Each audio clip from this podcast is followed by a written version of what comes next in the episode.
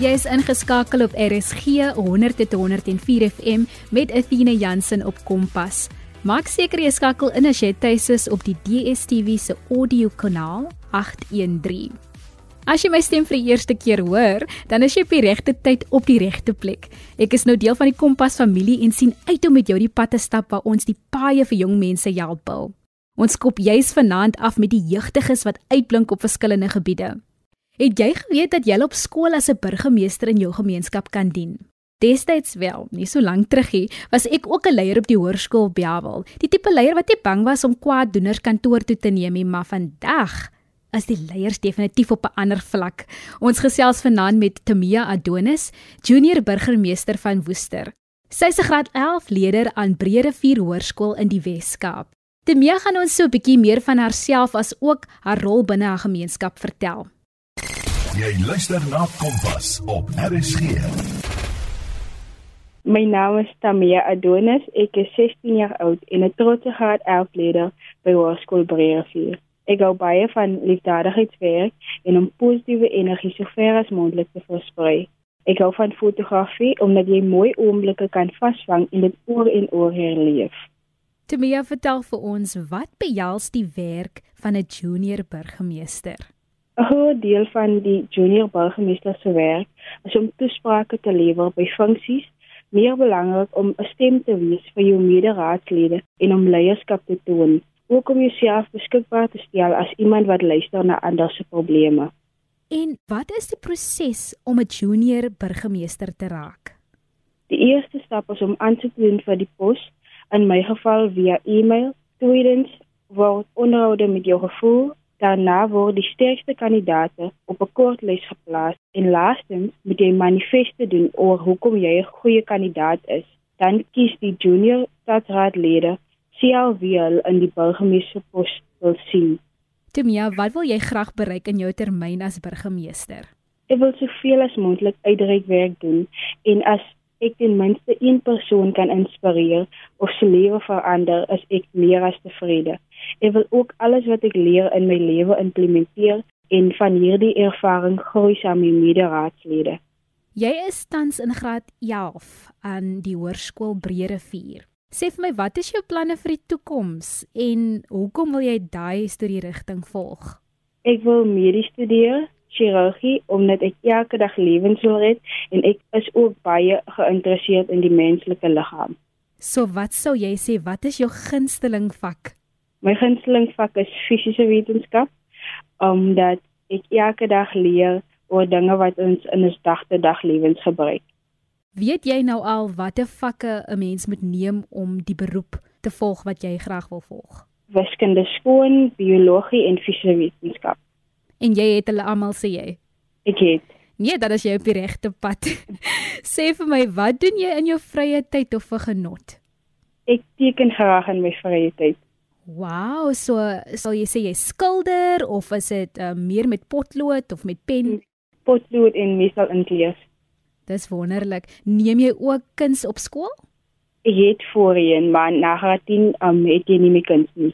Ek het op sosiale media gelees dat jy 'n gunsteling Bybelversie het. Watter een is dit en wat beteken dit vir jou? Filippense 4:13. Ek is tot alles in staat deur hom wat my die krag gee.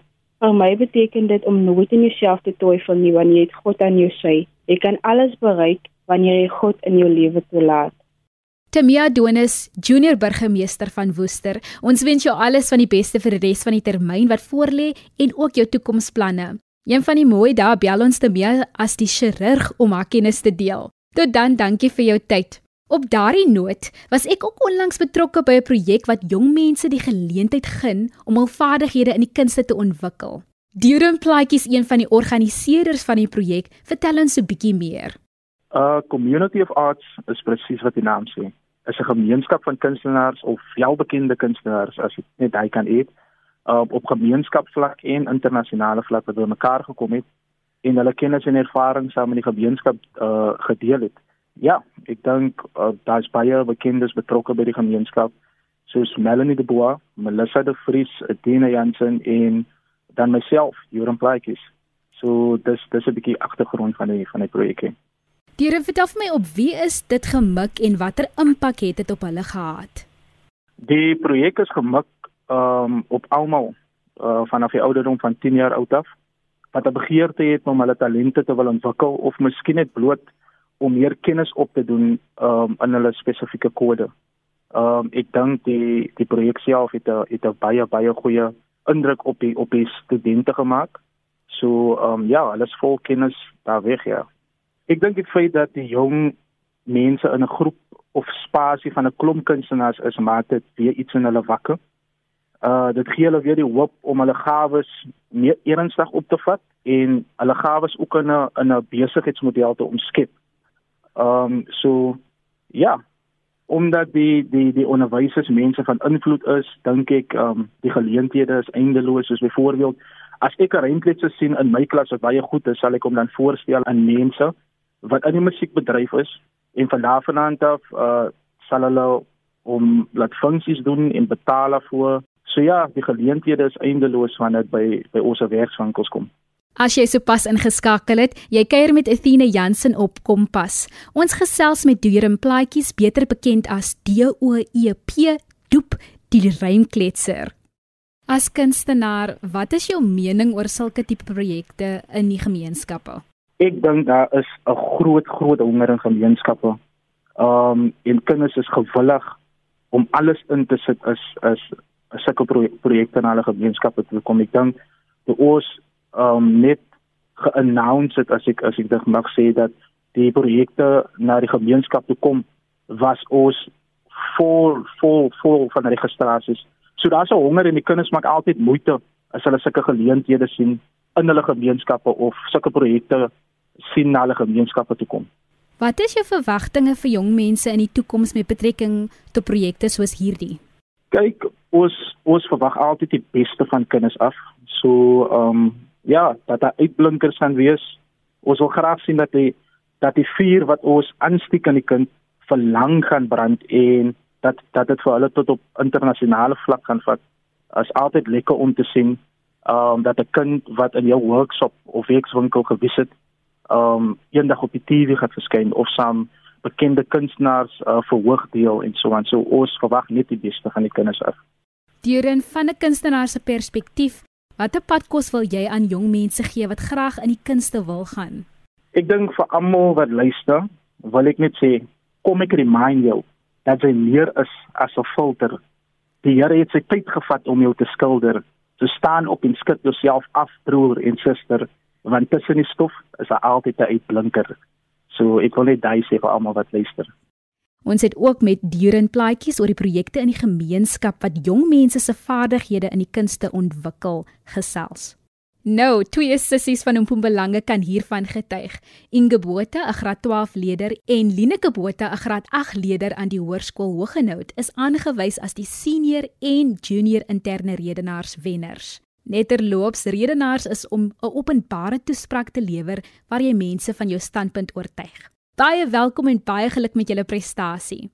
Inge, aangesien jy die oudste is, gaan ek eers by jou hoor. Kompas, jou loopbaanrigtingaanwyser op RSG. Hoe voel dit om die titel as senior interne redenaarskampioen in te hou? Ehm um, ek voel regtig trots en tevrede. In 2020 het daar regtig baie min ons almal se lewens gebeur en dit het begin voel of daar net 'n jaar verlore gegaan het en 'n jaar sonder doelwitte wat bereik is. So, ehm um, ons kon regtig amper niks aktiwiteite deelneem as gevolg van COVID nie. En ons interne redenaars was regtig die eerste geleentheid waar ek werklik weer kon voel dat daar so 'n mate van normaliteit in ons lewens is. En um, op 'n stadium het ek regtig gedink dat ek my skoolloopbaan gaan afsluit sonder om die geleentheid te kry om deel te neem, maar gelukkig het dinge toe nou anders vir ons uitgedraai. Sjoe, ek is baie bly dat jy kon weer die geleentheid kry om aan aktiwiteite deel te neem. Hoe lank doen jy nou al redenaars? Uh, as ja, ek het met redenaars begin toe ek in graad 1 in Laerskool Trigard was, so dis nou omtrent 12 jaar. Kan jy dit glo? Ja, kyk, die tyd het so vinnig verbygegaan. En hoe berei 'n mens voor vir die redenaarskompetisie? Asina, dit is maar regtig herhaling, herhaling, herhaling. Um Dit is baie belangrik dat jy vroegtydig begin voorberei vir jou toespraak. En as jy nie jou toespraak ken nie, is daar soveel meer redes om so senuweeagtig te voel. So ek dink dit is iets waar mense moet oplet of oplet na. En um die dag wat jy deelneem, is daar ook ander belangrike stappe wat jy moet volg. So stemopwarming is baie belangrik. Dit het ons natuurlik by Tannie Carolina van der Westhuizen van Podium Pret Redenaars geleer. En daar is ook 'n paar rympies wat ons gebruik daarvoor, so Tante Tattie trou 10 teen 1 die 10de en sewe seemeeue sweet en sweef so 12. Maar hoe dit nou eintlik werk is, hierdie twee rympies sê jy al hoe vinniger en dan nou al hoe stadiger en sodoende warm jy dan nou jou stem op. Ah, dis interessant. Is dit iets wat jy beoog om in die toekoms te doen en ondersteun dit jou beroepskeuse wat jy in die nabye toekoms wil volg? Ja, Asina, ek beoog beslis om dit deel te maak van my lewe vorentoe. Ek wil graag in die onderwysrigting ingaan. Ek gaan dit altyd gebruik en dit gaan definitief alles makliker vir myself maak.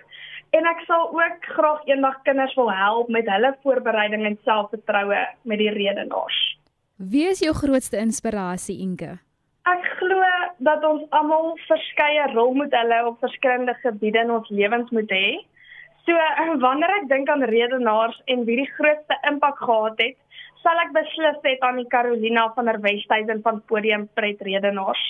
Ek het regtig so baie baie geleer. Um mense kan jou maklik afsit van redenaars, maar net die manier hoe sy met die kinders werk en hulle sodoende help met selfvertroue en hoe om dit te bevorder, het haar regtig 'n so so spesiale plek in my hart gegee. Dit neem regtig net hy een persoon om 'n mens se hupstoot te gee. Dit is beslis, beslis so. Nou wil ek by jou weet, help jy jou jonger sussie Lineke met haar voorbereiding vir redenaars? Nee, Afina, sy se eie wys.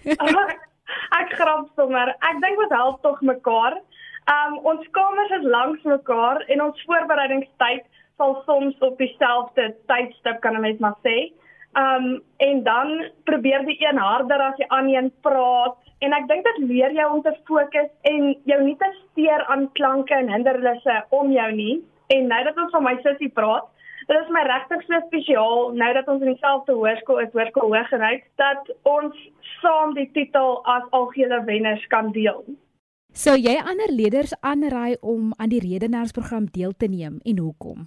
Ja, Tina beslis. Um my ma het nou nog 'n video van my graad 3 toespraak En as ek terugkyk na my redenaarsloopbaan en ek sien hoe ek begin het en waar ek vandag is en hoe ek gegroei het, is dit beslis die moeite werd gewees.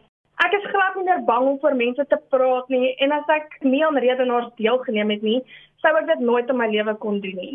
Jy is nog ingeskakel op die Kompas met Athena Jansen. Ons gesels met die Botha susters oor hulle betrokkeheid by redenaars.